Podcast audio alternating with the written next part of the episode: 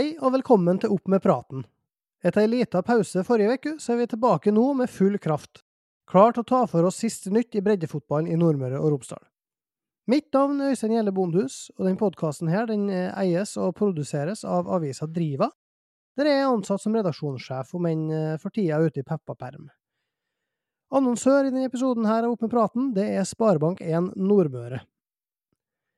I dag så er det jammen en del å ta tak i, for det, det har vært spilla et par serierunder siden sist, og når vi spiller inn i episoden her, mandag 12. september, så er det slik at overgangsfristen for amatørspillere går ut ved midnatt.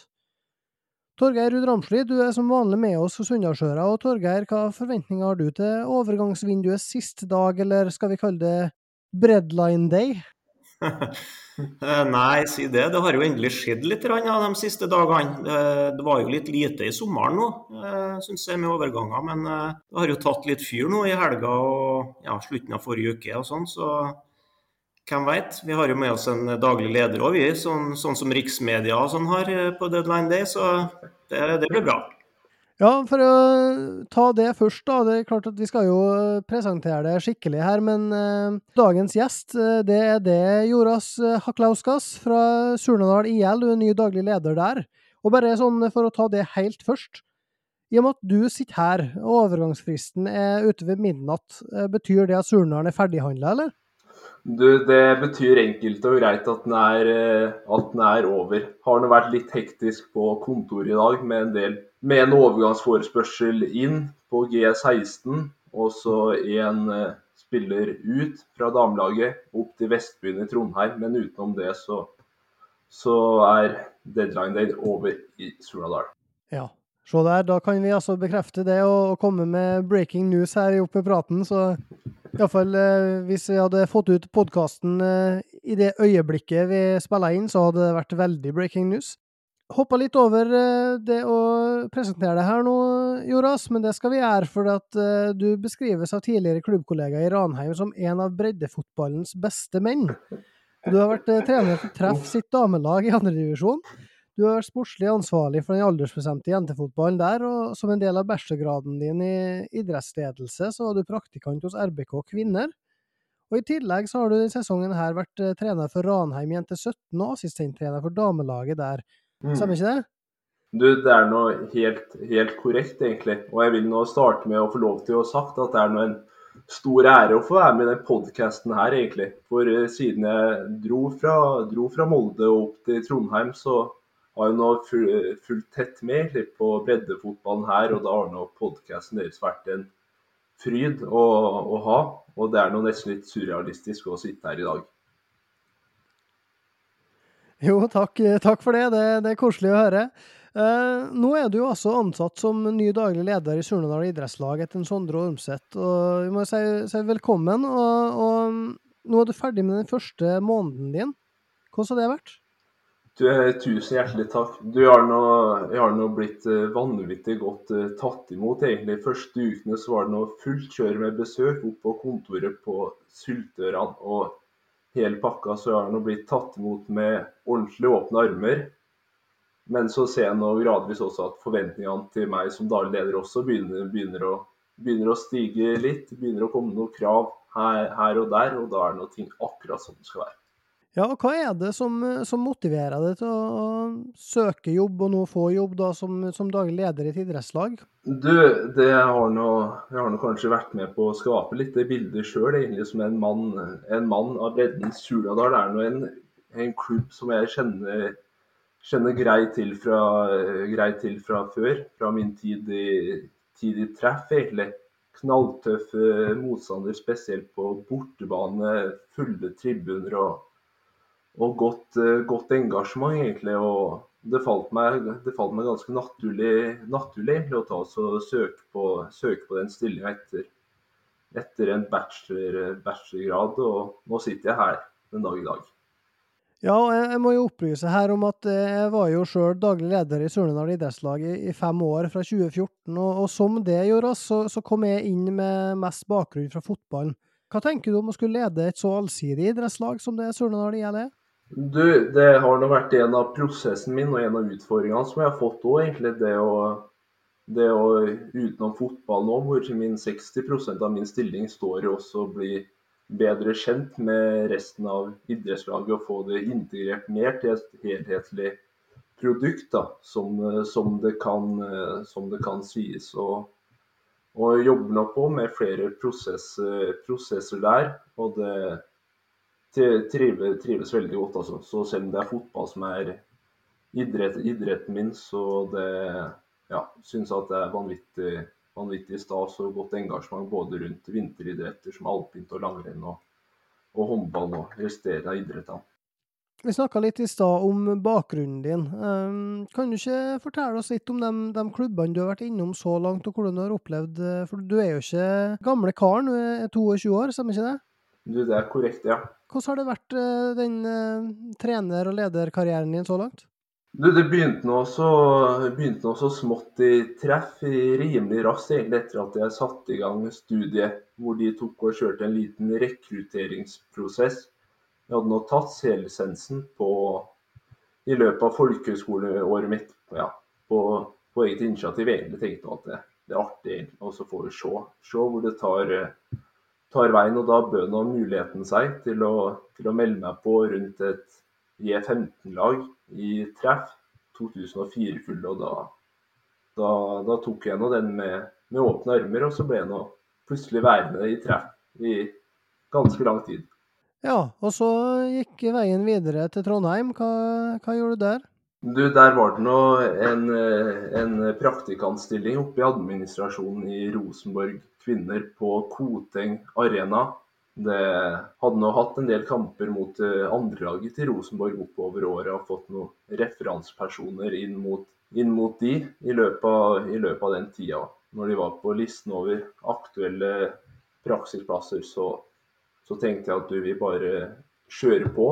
Men så visste jeg jo at jeg kom til å få ja, nesten litt sånn abstinenser etter, etter å være trener. Så jeg var nå tidlig i kontakt med en med assistenttreneren på damelaget til Rosenborg, Robin Shoot, og spurte han om han har en klubb eller et sted han ville anbefale meg i Trondheim å ta oss og søke på noe trenerstilling. og Da, da kom nå Ranheim opp, og da, da var jeg nå, var jeg nå på, på, plass der fra første dag i januar i tillegg. Ja, og, og med den, den, bakgrunnen du har fra damefotballen, så er det naturlig å snakke litt om det. Altså, og Hvis en ser på kretsen vår her nå, som vi konsentrerer oss mest om, hva tenker du om utviklinga til, til dame- og jentefotballen vår i kretsen her de siste åra?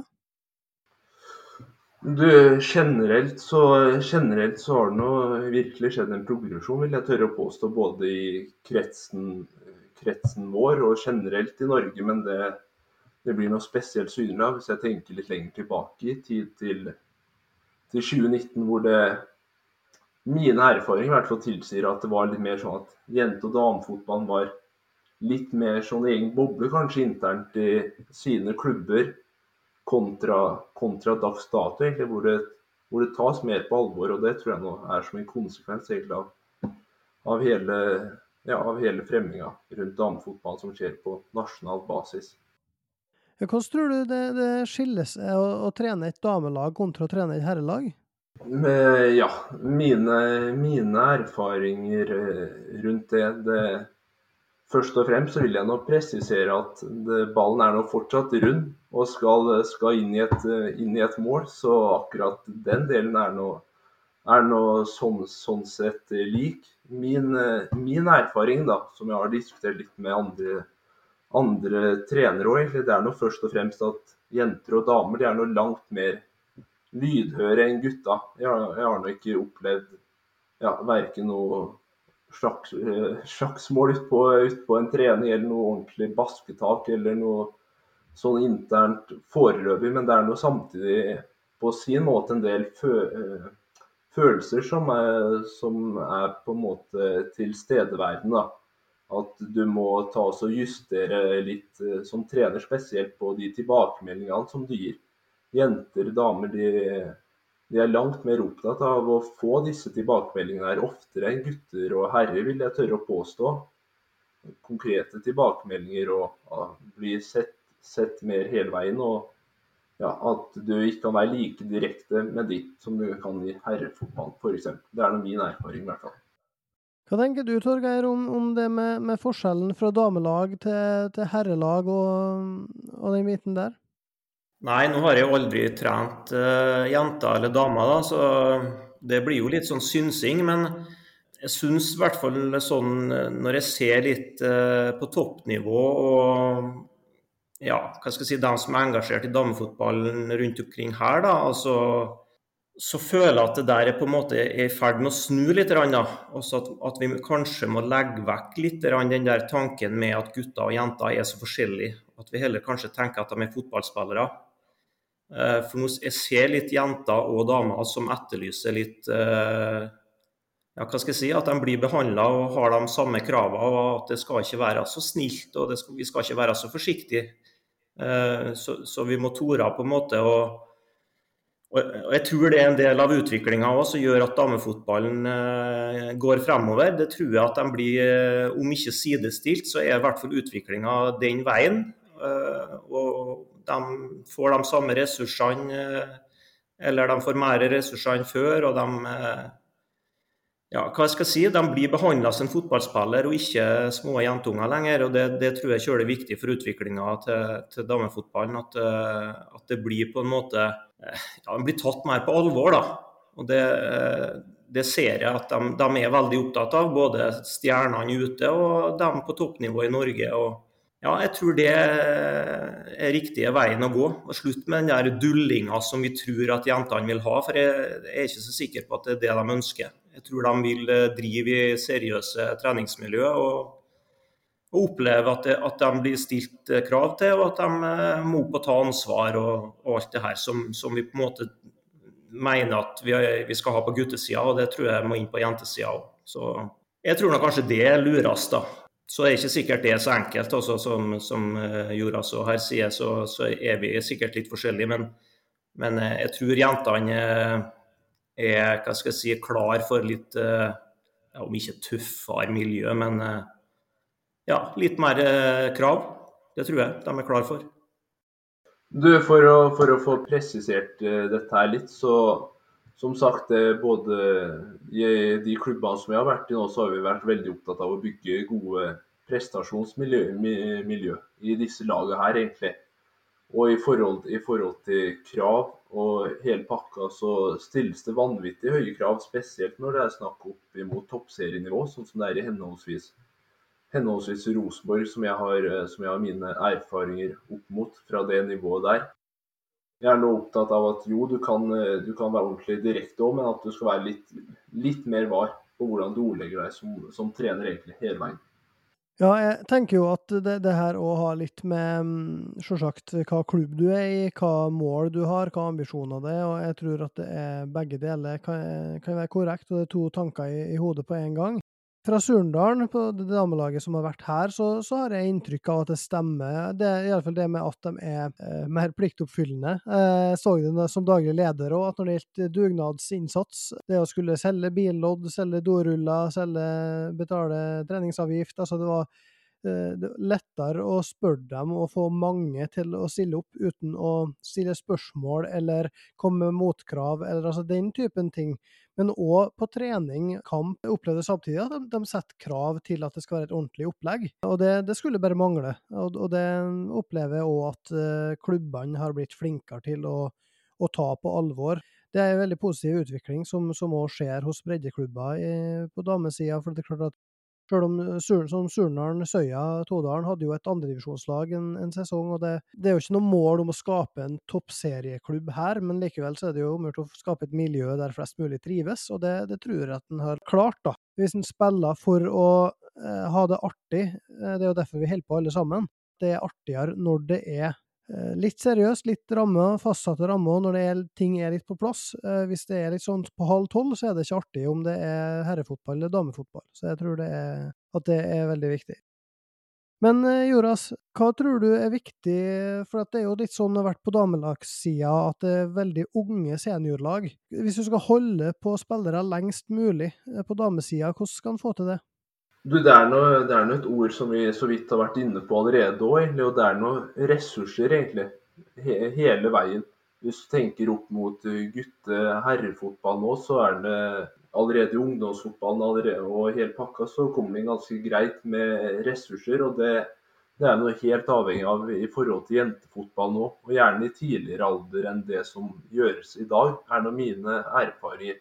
Og Da snakker jeg om spesielt ressursene rundt eh, trenere og og hele, hele, den biten der, men også rundt, rundt, utstyr. Og at de skal tas like mye på alvor som guttelagene på sin side, egentlig. Det, det er noe, mitt, mitt, beste forslag, i hvert fall.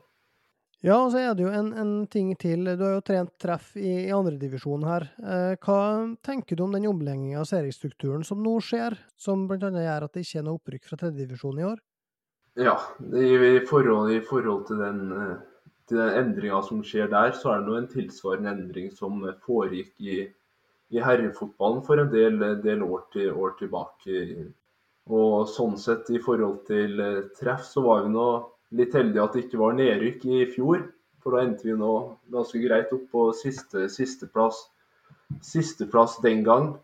Og jeg ser nå både positive og negative sider med omlegginga. Hvis vi tenker positivt, så er det nå i stor grad i forhold til at jeg tror at det kan bli lettere for sponsorer og miljøet utenifra å, å bidra mer rundt, rundt de lagene som holder seg i andredivisjon. Og så er det nå litt med en utgiftsside oppi, oppi alt, dette, alt, dette, her å gjøre òg, egentlig.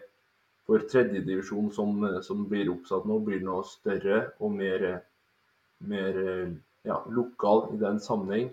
Mens andredivisjon blir nå større, med en del fortsatt reiser med pakka. Så det er nå en slags spissing som jeg ser både positive og mindre positive sider med. Ja, så er det jo slik i, kretsen vår at uh, eh, KBK har jo uttalt ambisjoner på damesida, og Molde har uttalt mål om toppseriespill innen relativt kort tid. Hva tror du er nøkkelen for uh, kvinnesatsinga til de to klubbene der for å skape et topplag på damesida her i kretsen? Ja, nå, nå, må jeg nå holde meg objektiv da, om, om MFK som, som gammel, gammel treff, treffkar. I forhold, I forhold, til eh, de og sats, satsinga der, så har nå en av utfordringene vært at, at spillerne tar så flytter fra Molde når, når de er ferdig med videregående.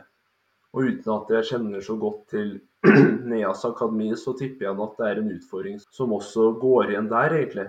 Hva, noe fasit på dette her, det har jeg ikke, men det blir noe å legge til rette for at disse, disse spillerne blir værende i klubben. Og så er det noen prosesser rundt rekruttering av nye. Hvordan skal vi få de til å komme opp til Molde, til Kristiansund? Hvordan skal vi legge det til rette? Så jeg tror at det er noen utfordringer. Torgeir, hva, hva, tenker du om eh, for å skape et eh, miljø, toppfotballmiljø eh, her nå på damesida? da? Hva tror du er nøkkelen for å få til det her i kretsen? Nei, det tror jeg er penger. Ressurser. Det er, ikke noe, er ikke noe annet tror jeg, som eh, er avgjørende for at Molde blir en toppserieklubb. De har jo alle fasiliteter. De har en stadion som er fantastisk, og de har trenings... Eh, anlegg, og de har treningsstudio, og de har eh, medisinsk apparat, og de har eh, fullt av trenere som er godt utdanna. Så de må jo få spillerne sine til, til å bli i Molde og, og, tiltrekke seg andre. De kan ikke miste eh, jenter på 17-18-19 år, altså et halvt lag nesten hvert år. Så de må jo bli i Molde, og da må det profesjonaliseres, og spillerne må lønnes. Mm. og Du må gjøre det mer attraktivt å bli i Molde det eneste veien å gå. det. Nå begynner det å bli sånn på damesida òg at eh, flere og flere toppklubber har eh, damelag som de satser på. Da er det de største klubbene med de største penger, eh, altså mest penger, det er de som, som lykkes der òg. Klart du kan få noen, noen sånne hva skal jeg si, eventyr og sånn som varer noen år, og, no, og noen sånne, sånne suksesshistorier, men, men, over tid, å holde seg i toppen over tid, så må du ha ressurser, og det, og det er nesten ensbetydende med penger. Eh, om det er internasjonalt eller i Norge. Så det gjelder nok både for eh, Molde og Kristiansund. Eh, hvis de skal helt opp i, på toppnivå i Norge, ja, hvis det er snakk om én divisjon og sånn, så kan vel det skje på kort sikt. Men å etablere toppmiljø over mange, mange år, så må de med ressurser. Vi har lang tradisjon for å heie med åpne hjerter i regionen vår. På sidelinja er vi alle likeens. Enten det er på den nye femmerbanen der Dråkungene skåra sitt første mål, har litt lokalderby i fjerdedivisjon. Sparebank1 Nordmøre er din lokale heiagjeng. I fjerdedivisjon så har det vært spilt to serierunder siden sist eh, episode. Eh, vi skal ikke ta for oss kamp for kamp, sånn som vi gjerne bruker, men vi skal se litt på det, det store bildet. Men eh, resultater kan vi unne oss. Malmefjorden slo Åndalsnes 2-1 i runde 15. Sunndal-Misund 3-0. Vestnes-Varfjell KFK CFK 4-1. Surnadal-Dale 2-2. Tomrefjord Eide omegn 5-1. Og KBK2 treff 2 3-0. I runde 16 så spilte Dale og Tomrefjord 1-1. Åndalsnes-Sunndal spilte 4-4. KFK CFK Malmefjorden ble 1-3. Eide omegn KBK2 endte 1-4, men Surnadal slo Misund 3-1 på bortebane. Og der er det én kamp igjen. Den spilles tirsdag kveld mellom Treff 2 og Vestnes Varfjell. Det betyr at KBK2 har nå fem poengs luke i, i, toppen. Og Torgeir, du sa det du før vi spilte inn i forrige episode, at det blir vel uavgjort, da. Og så stikker KBK2 av, slik som du tippa, Øystein. Og nå ser det jo litt sånn ut. Er det avgjort nå, tror du? Eh, ja, det tror jeg. Jeg har sett litt på kampprogrammet som gjenstår og sånne for de lagene i toppen. og ja, KBK2 skal til Sande og spille mot uh, Sunndalen, som riktignok er i, ikke i all verdens form, da. Men uh, det er kanskje der de kan avgi poeng. Ellers så tror jeg det blir grei skuring. De har Dale hjemme nå, men jeg ser for meg at den ja, tar dem greit. og så Ellers så ser jeg ikke så mange miner de kan gå på. Så nå tror jeg det er mer eller mindre avgjort. Jeg tror heller ingen av de andre lagene vinner resten av kampene. så de har nok råd til et feilskjær og KBK2, kanskje til og med to. Så dessverre så tror jeg at eh, det er avgjort nå, og de spiller kvalik. Ja, og der er det jo litt interessant at uh, Henrik Gjesdal spilte vel to minutter forrige kamp. Uh, og her er det jo sånn at de må ha et visst antall kamper, det det fem for å kunne spille opprykkskvaliken. Uh, så det er jo litt signal på at KBK begynner å forberede seg på noen kvalikkamper mot sunnmøringer som kommer ut på høsten her, da.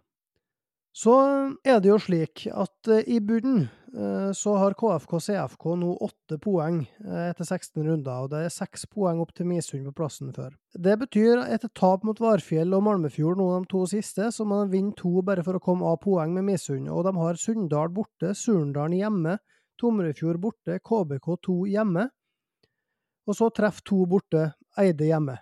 Tøft kampprogram, Tror du null poeng mot Varfjell og Malmefjorden var kroken på døra for KFK CFK i fjerdedivisjonen for nå, Torgeir? Ja, det tror jeg helt sikkert at det var. Spesielt når det er mot eh, si, bunnrivaler da, som, som drar, i, drar, ifra dem. så da må KFK må sikkert ha tre-fire seire av dem for å berge plassen, og det går aldri. Så det, det, de har tatt åtte poeng hittil og har ikke vunnet på, på en stund. og det, det, snur plutselig ikke bare sånn. De er dessverre ikke gode nok. og ja, Det er ikke så mye mer å si om det, egentlig. De får prøve å bygge seg opp igjen eh, neste år og komme tilbake. Et annet lag som har spilt seg inn i trøbbel, det er Misund. Vi har skrytt av eh, elveren deres, og vi har samtidig stilt litt spørsmål ved, med bredda. Nå har de fått Erlend Blø tilbake fra Brattvåg, men Spillende trener Arnt Erik Brakstad fikk sitt tredje røde kort mot eh, Sunndalen i runde 15, sto over sist, og mandag ble det klart at han har meldt overgang til Eidsvåg.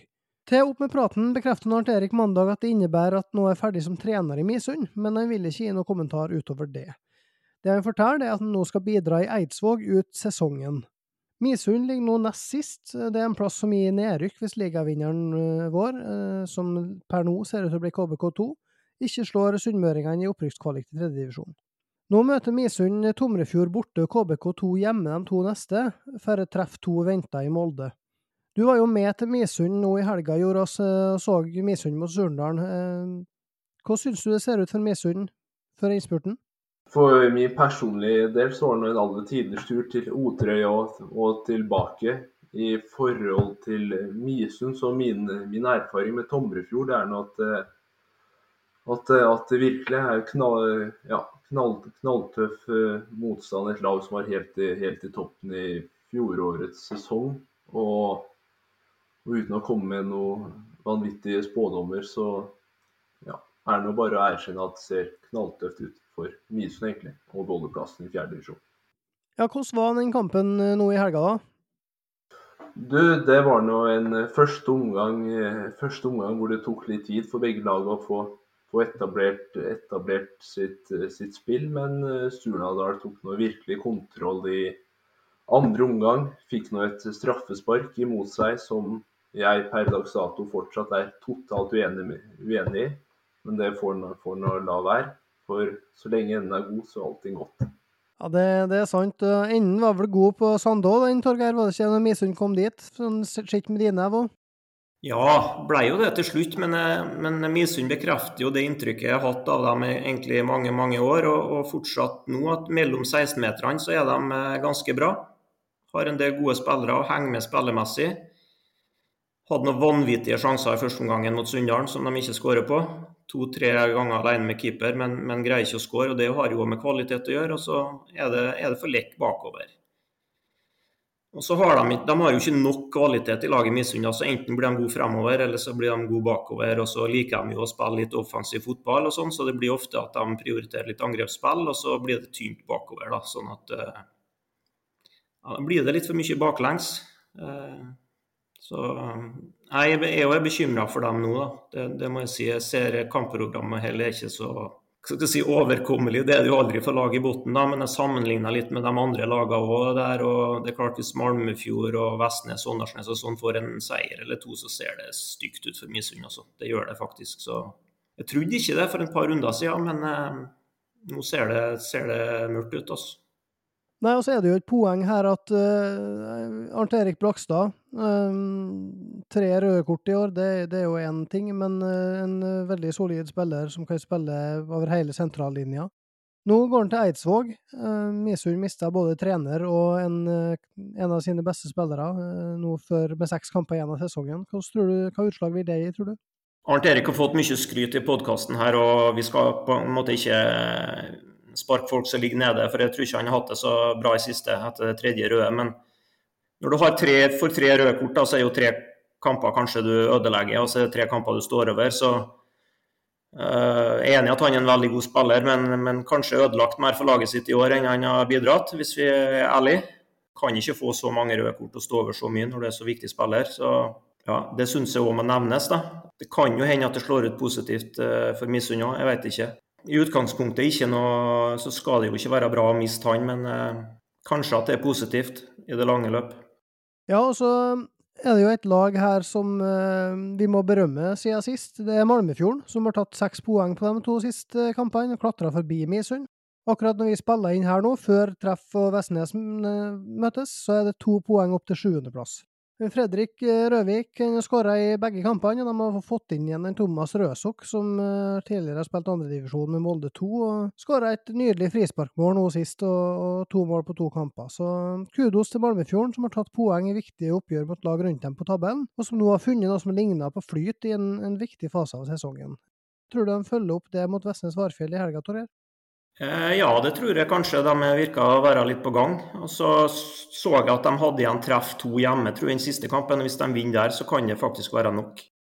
Eh, Vestnes har vært borte nå, litt verre, men eh, det ser ut som de kanskje har fått igjen litt den, den gløden da, som, som vi etterlyste. Så ja, imponert over det. Men, men det er sånn i bunnen. Sånn var det jo i fjor òg. Da var jo Vestnes litt sånn halvfortapt, og så vi fikk de en to-tre seire på rad. Så det er ikke så mye som skal til. Men eh, hvis de finner eh, det laget så liksom så finner litt hva skal jeg si, greier å grave dypest, da.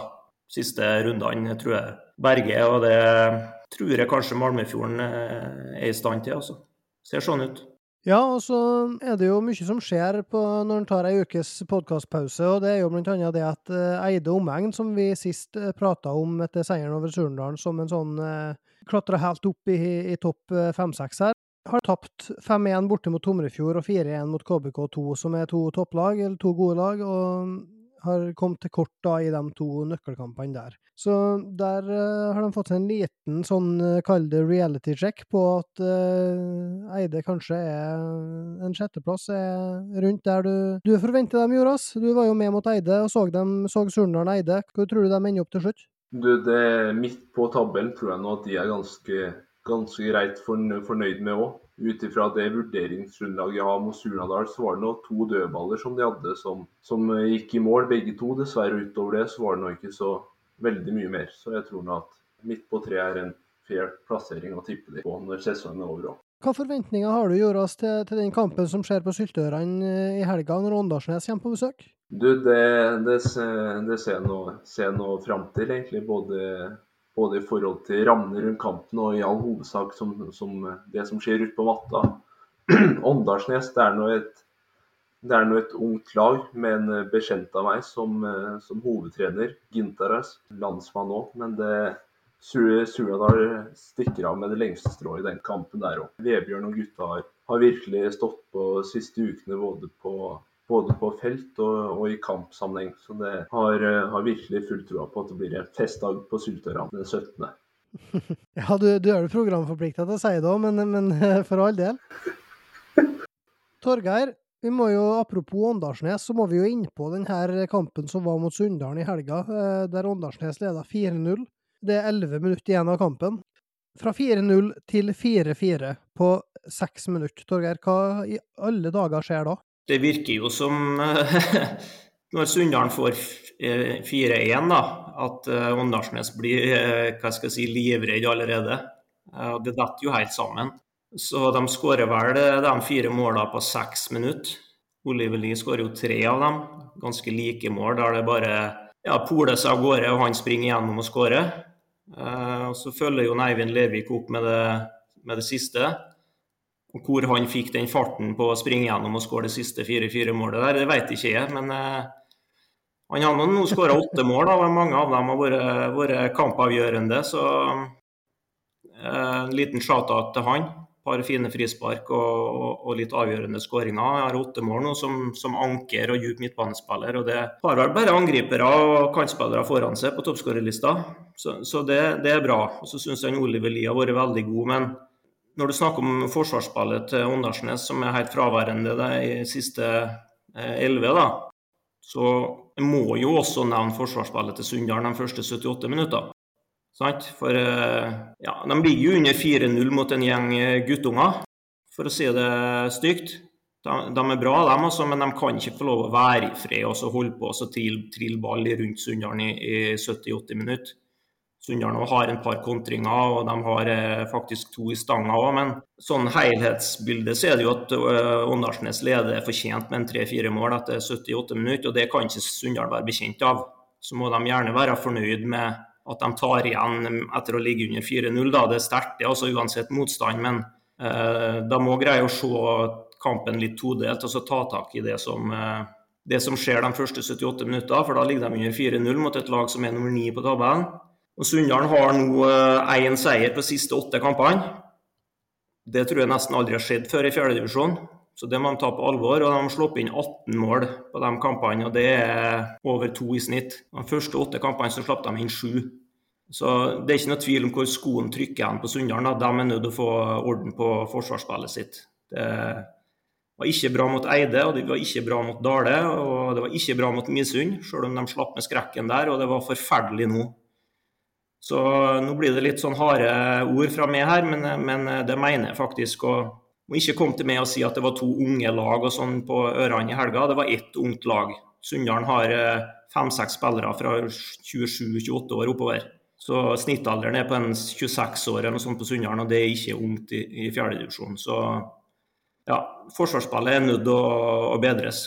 Det er ikke press på ballfører på midten, og det, er, det falles ikke av når det ikke er press. og De eh, springer gjennom dem, og det er backer som ikke går i press. og Det, det spilles veggspill rundt dem. og eh, ja, Jeg er bekymra for det forsvarsspillet, ser, det må jeg bare si. Så Hvis det fortsetter med det kampprogrammet de har fremover nå, så, så, så blir det lite poeng. Så får de ta den utfordringa fra meg. Det må på plass. Tror du at det kommer på plass uh, mot KFK og CFK nå i helga? Er det en gyllen mulighet til å øve på det? Ja, spørs hvor mye du blir utfordra, men uh, klart hvis det fortsetter sånn som det var i helga, så greier de å skape ting òg. Så det er kanskje lettere å få det på plass mot litt dårligere motstand før du skal møte topplagene mot slutten.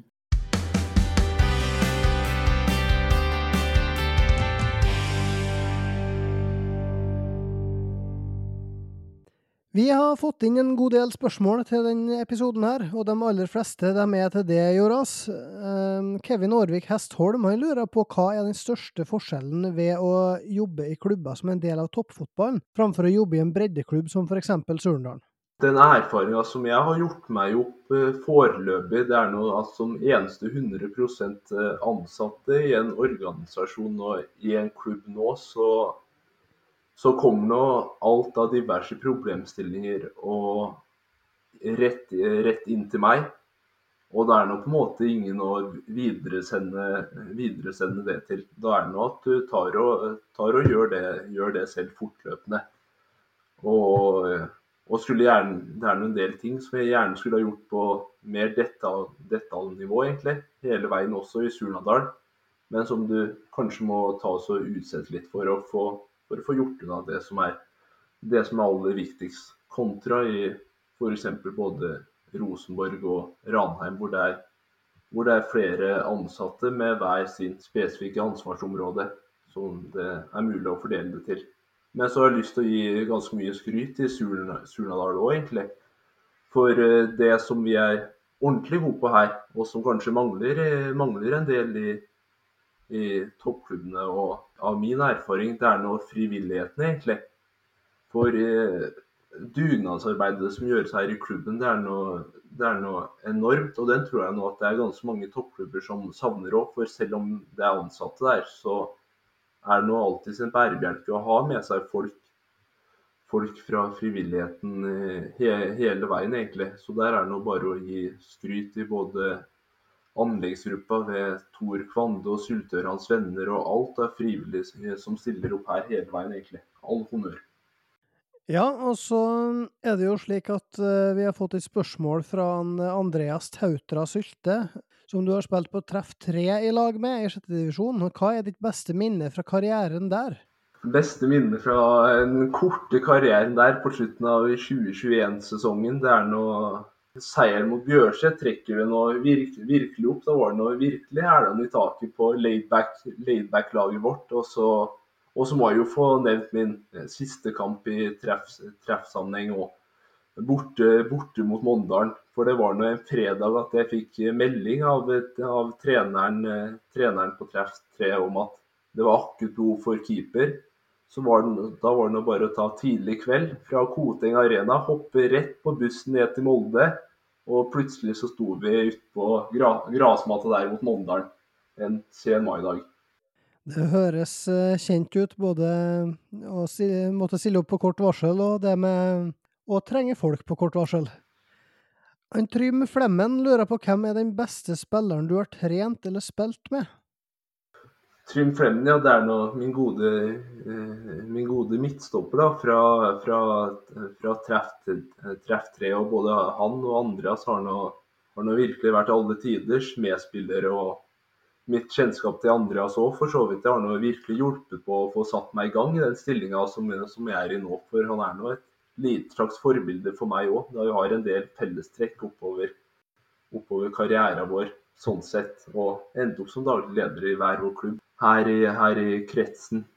Beste, beste spilleren som jeg har trent spilt med. Du, der skal jo være såpass objektiv at jeg skal ikke ta oss og peke ut noen enkeltspillere, tror jeg egentlig. For jeg har, det har vært eh, masse spillere som, som jeg har hatt æren av å trene, som har vanvittig store kvaliteter. Men eh, jeg har nå kommet med en liten kommentar om at Prøya Dorsin i de kommende åra på Rosenborg kvinner, det er en spiller som jeg, som jeg virkelig ser for meg i toppen av norsk damefotball innen de neste åra.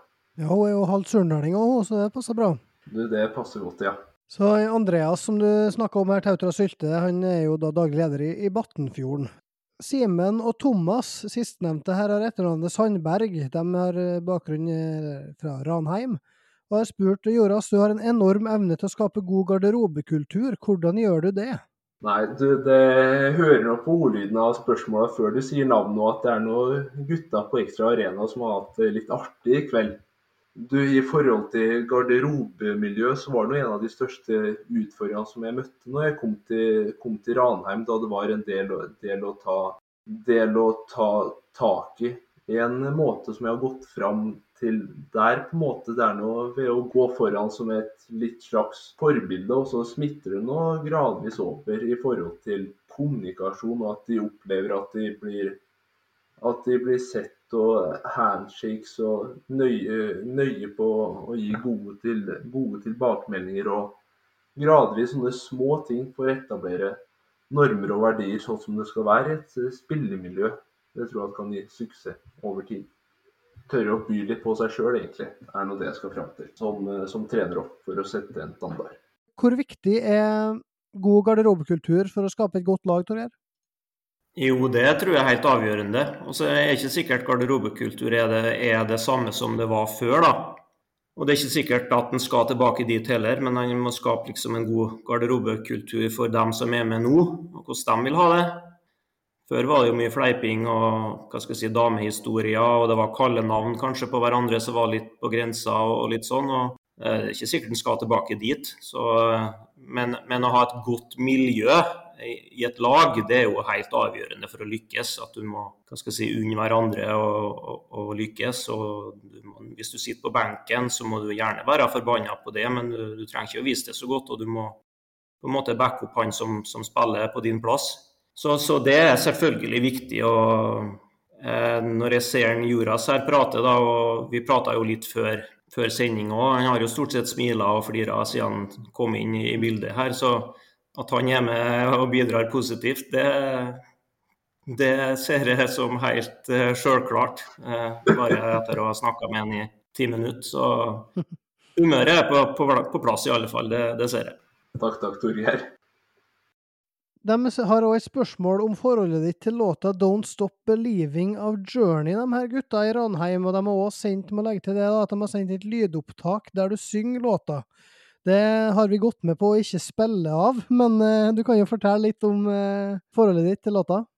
Nei, du, det er nå litt tilbake til det i forhold til uh, garderobemiljøet. da, Tørre å Det har jo både innprenta i de spillerne som jeg har hatt over året, og levd litt sjøl, egentlig det å tørre å bjude deg på.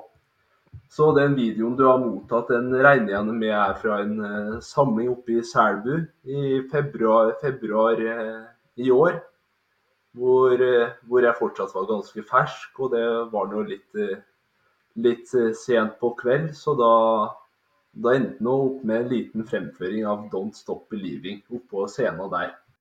Ja, det høres koselig ut. Så har vi et spørsmål fra Bjarte Guttormsen. Vi fortsetter i Ranheim, da. og Der er det mm, Hva er ditt beste minne fra tida i Ranheim? Først og fremst så må jeg nå presisere at selv om jeg bare var der i åtte måneder, så åtte måneder så er nå Ranheim virkelig en klubb som jeg kommer til å, kommer til å ta med meg i, lang tid. Både, på, både pga. spillermiljøene som var der, og mye pga. trenermiljøene vi hadde der òg. Men hvis jeg må si beste minne, så er det nå så er det ofte gode samtalene vi hadde både før og etter økt. Og så er det noe veldig naturlig å ta oss og si Norway Cup, hvor jenter 19 da vant eh, B-sluttspillet og og jeg hadde en kjempeopplevelse med jente 17, 17-laget mitt òg, selv om det røk litt tidlig ut i sluttspillet der. Vi går litt uh, videre. Det er fortsatt et lytterspørsmål. Nils Erik Eidsør han har spurt hva sier panelet til Eidsvåg sine nye signeringer, for de har altså signert en Tommy Eide Møster, som vi har snakka om før. I tillegg så har de nå sikra seg en Bjørnar Bugge og Einar Olav og Arnt Erik Aspås Brakstad. Og spørsmålet hans er jo for det første hva, hva sier panelet om dem? Og i tillegg om de har mulighet til å utfordre Sunndal 2 om opprykk, for Torgeir, du meldte vel at, eh, tidligere at de skulle ta det greit, lurer han på? Ja, jeg kan jo liksom for å hva skal jeg si, gardere meg sjøl litt, da, kanskje si at jeg mente at de burde i hvert fall ta det greit. Men, men nå eh, er det vel kanskje nok med en seier til, til Eidsvågen. Og den tror jeg vel de tar hjemme mot Tingvoll, så da blir vel de avdelingsvinner. Uh, Sunndal 2, da, bare for å si noen ord om dem, de har jo rota til det her sjøl. Tapt mot Tingvoll, og så har de uavgjort det mot uh, ja, Kvass og Øksendalen. Og de har òg et tap hjemme mot Søya. Så de har jo rota til dette her sjøl. Mener jo at de burde ha vunnet den serien, men uh, for Sunndal som klubb så tror jeg kanskje at det er greit at de ikke rykker opp. Det høres kanskje litt negativt ut, men om de skulle hatt ett lag i fjerde og ett lag i femte med den utfordringa de har på spillersida allerede, så kunne det kanskje blitt litt eh, problematisk. Det, det er litt gnisninger allerede i forhold til bruk av spillere. Eh, men tilbake til Eidsvågen, da, så, så, leder jo de serien ganske klart nå, uten alle disse her gamle heltene. Så Ja, og de får, da, de får, jo igjen en del gode fotballspillere, da, det gjør de. Så at de, at de rykker opp nå, det tror jeg kanskje de gjør. Det er vel en, muligens en kvalik òg, da. De tre avdelingsvinnerne er sikkert. Ja, det er jo sånn i, i sjette divisjon at uh, de tre avdelingsvinnerne skal møtes i et uh, gruppespill, og der de to beste av de tre uh, rykker opp til femte divisjon. Så det Måndalen har jo vunnet den ene, og så er det Eidsvåg som ligger veldig godt an, og så ser det vel ut til at Frei kan bli den siste, da. Selvsagt vanskelig å vurdere de tre lagene opp mot hverandre, da. Uh, når vi ikke har sett dem sånn, men klart Eidsvågen skal jo være, skal være forsterka dem nå, da. Det, det, skal de være. Så får holde en liten knapp på at de tar en av dem to. Ja, jeg syns at Frei ser veldig god ut. Eh, det må jeg bare si. Eh, Måndalen har jo, har jo sett at de har forsterka, men eh, Andreas Helle og sånn som svente fra Åndalsnes tidligere, men, mens Frei har henta blant annet enn Roar Henden som var med oss her. De, de vant 18-0 over Battenfjorden 2 nå sist. Det sier kanskje mest om Battenfjorden 2. Har en Bjørnar Rovaldsen Andreassen, som vi har nevnt her tidligere, som har skåra 22 mål på ni kamper i år og har feid over egentlig det meste av motstanden som, som har vært. Altså. Så Frei de har ett tap i år, resten seire, så jeg tror kanskje at de eh, kommer til å ende opp med kretsmesterskapet når, når, vi teller opp. Men eh, det der er jo veldig, som du sier, vanskelig å si. For det kan jo være ei avdeling eh, som er markant svakere enn de andre, uten at vi, vi veit det. Men eh, det som eh, kan si, er jo at, at Eidsvåg, som du sier, er forsterka. De har en del unge spillere som er på gang, og jeg tror at det ville vært veldig bra for Eidsvåg som klubb å, å rykke opp til femtedivisjon. Jeg tror Eidsvåg er en klubb som både ja, altså De har jo lang fartstid både fra tredje og fjerde. De har uh, nå et mer spennende spillermateriale enn på lenge. Og det er en klubb iallfall jeg veldig gjerne kunne tenkt meg å, å møte høyere oppe. Så, så, jeg tror at uh, fått dem opp til femtedivisjon, så hadde det, det, gjort seg, altså. Så vi, vi får håpe at det tross alt uh, driver, driver podkast uh, her, og Eidsvåg er en del av vårt dekningsområde, så da får vi vel ta en liten sånn som en Joras sa i stad, at vi får håpe på en folkefest på, på Syltørene i helga, som du sa, og da får vi vel håpe på et Eidsvåg-opprykk òg her, da, hvis en skal tenke litt med, med den hatten. Ja, jeg har ei eh, avdød bestemor fra Eidsvågen, så jeg har vel noen prosent eidsvåging i meg òg, da. Men, eh, så vi, vi, heier på dem da i opprykkskampen. Ja, det er vel knappe tre timer igjen av overgangsvinduet ja, Torgeir? Når Bugge og Eide Møster og Brakstad-karene her og sånn, så er det vel det rom, rom for en sjettedivisjonsspiller til her, hvis han melder seg på. Ja, må gå og legge det før telefonen ringer. ja, vi får gjøre det. Vi skal se litt på, på femtedivisjon, for der eh, spissa det seg òg til i opprykkskampen. Elnesvågen tok en veldig viktig seier, 3-0 borte mot Smøla. Det var jo et potensielt bananskall for serielederen, men de har fortsatt fem poeng ned til Gjelseth Kleive som eh, slo eh, Averøy-kameratene 2-1. Det betyr at AK har åtte poeng opp til Hjelset Kleive, og da er vel de ferdige, Torgeir? Ja, det må vi nesten tro. Hjelset Kleive og Molde 3 tar såpass mye poeng at, eh, at, de skal ta igjen åtte poeng på de få kampene som er igjen på begge de lagene. Det, det, tror jeg ikke skjer, ingenting som tyder på det. Så De har jo tapt innbyrdes der og AK både mot uh, Molde 3 og mot uh, Hjelset Kleive. så Nei, det, vi skulle gjerne hatt AK tilbake. altså De hører egentlig hjemme dem og i fjerde. da, Jeg syns egentlig det er ganske stor klubb. og ja, Litt tøft og, hva skal jeg si, å komme til, til Bruhagen. og har alltid vært, og vært noen knokkelfighter der. og så Kunne gjerne tenkt med dem og tilbake i fjerde, også, men jeg tror ikke det blir i år, nei, dessverre. Nei, enig, enig i det, og da er det jo i så fall eh, Molde 3 og Gjelseth Kleive det, det, står mellom, hvis en skal regne med at Elnesvågen eh, tar en av de to opprykksplassene. Nå skal det sies at Elnesvågen har jo eh, et mannefall uten like eh, i det siste. De har både Christian Benjaminsen og avrevet akilles. Vi snakka jo om en Brian Olsen Øverli som har røket korsbånd. Philip Harnes avrevet leddbånd i ankelen. Og keeper som har røket korsbånd. Og Brede Olsen Øverli ute med lyskestrekk. Så det er klart det er det er et ganske sånn redusert Elnesvågen som, som holder på framover her, men de har henta hjem igjen. Eller hjem igjen er feil å si, men henta tilbake Magnus Nygaard, en veldig hardtarbeidende, oppofrende spiss, som er en sånn type som jeg er veldig glad i. Um, jobba knallhardt, skapa trøbbel for motstanderen, god fysikk, 110 eh, og Der henter han tilbake fra, fra, bud og er klar for Elnesvågen ut året. Han var god da han spilte i, i fjerdedivisjon sist, og, og, han har nå uh, tatt steget tilbake igjen da til Elnesvågen. Og han har uh, han skåra elleve mål for Elnesvågen i fjerdedivisjon uh, det året de rykte. Så han, han, er en mann som kan være med og sikre den uh, Iallfall en annen type enn Benjaminsen, da, som har spilt på topp for dem til nå, men det er viktig at de får inn han. De vant tross alt 3-0 borte mot Smøla nå, da alle de skadene. Så det var jo ikke akkurat noe svakhetstegn, det, da, for å si det sånn. Så det skal nok holde. Det, det tror vi. Uh, Joras, du kjenner Molde 3 godt. Hvorfor gjør du det? Han godeste hovedtreneren på dette Molde 3-laget, Jonas Storm Kjølingstad, det er en god klassekamerat av meg fra folkehøyskoletida mi, som endte opp med å flytte, flytte laget mitt opp til Molde for å studere idrettsledelse. Så dette er nå en en kar som jeg har kjent oppover flere år. Ordentlig ja, ressurssterk, dyktig trener, egentlig, som eh, legger ned vanvittig med innsats både på og utafor matta ut, ut, fra det jeg har sett. Så jeg har nå, har nå troa på MFK3 oppi dette her, da, selv om jeg ikke er helt objektiv. Det blir, blir, spennende å se om de klarer å hente inn det de ligger bak Gjelseth Kleive. Det er um, Molde 3 har Elnesvågen om to runder, og så har de bortekamp mot Smøla. Uh, så det, det, er ikke um, helt gjort der ennå.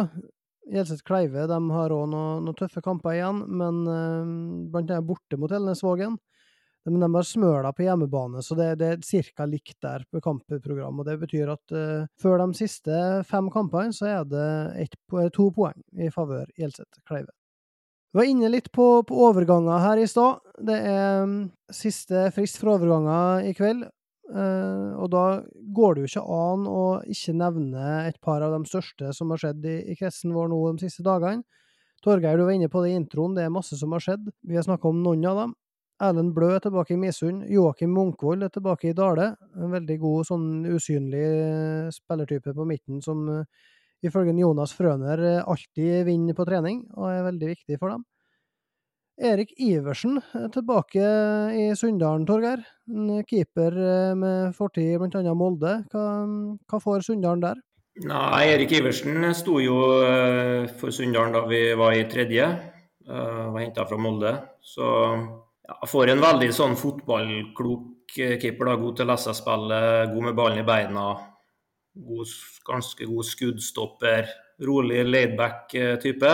Han er vel henta inn fordi at han som har stått i høsten, han Bendik Reitan har fått en Jeg tror det er et brudd i en finger som han har spilt med de siste kampene. Han har spilt bra, han også, men um, det er vel for at en, uh, Iversen må stå ut sesongen, da. Så nå er det vel noen sesonger siden han har spilt, så vidt, så vidt jeg kan uh, greie å se. Men uh, han er såpass fotballklok og ja. Spørs litt på fysisk form, men, men er nok en god keeper i fjerdedivisjon fortsatt. Kanskje den største overgangen nå, i tillegg til at når Erik Brakstad slutta både som spiller og trener i, i Misund, så er det jo at Erlend Søberg er tilbake i Tomrefjord. Og det er jo en spiller som virkelig kan dominere på det nivået her, Torgeir. Tror du det kommer til å skyte Tomrefjord enda nærmere toppen mot slutten av sesongen her? Ja, det tror jeg. Eh, jeg kikka litt på statistikkene hans. Han var, faktisk bedre enn jeg, enn jeg trodde. Han hadde nesten 60 mål på 90 kamper for Tomrefjord. Så en eh, farlig herremann. Jeg har aldri sett på han som en sånn spiller som, som dominerer kamper og sånt, da, men han, men han bidrar jo med en del, del, målpoeng. Ikke så dominant spillemessig, men er eh, en luring som dukker opp og, og skårer mål. Så de, treng, de, trenger jo litt skyts framover i banen av uh, Tomrefjord, så kjempeforsterkning det for dem, uh, selvfølgelig. Og ja, kan jo bli spennende uh, neste år, da. Tomrefjord kan melde seg på helt, helt, til toppen igjen hvis, ja, hvis han si, bidrar med det vi tror, og kanskje han får andre forsterkninger også. Kanskje litt tidlig å snakke om neste sesong, men Ja, det kommer før vi aner det. Nå så er det på tide å si takk for oss her i Oppe praten. Jeg vil si tusen takk til alle som har hørt på, og til det gjorde oss for en hyggelig prat, så lykke til både videre i jobben og med sesongen. Tusen hjertelig takk. Og det som eh, sagt det er noe storstas for en enkel kar fra bygda å få lov til å være med på dette her. Så takk for meg. Ja, og en enkel kar fra bygda på, på Sunndal nå, Torgeir, som er klar for kamp mot KFK i helga, eller? Ja, der tror jeg vi er like enkle alle tre. Så vi skal vel bare se fotball alle sammen sikkert i, i helga. Så Vi er enkle sånn. Ja, vi er nok det. Ja, nei, men det var alt for denne gangen. Takk for oss.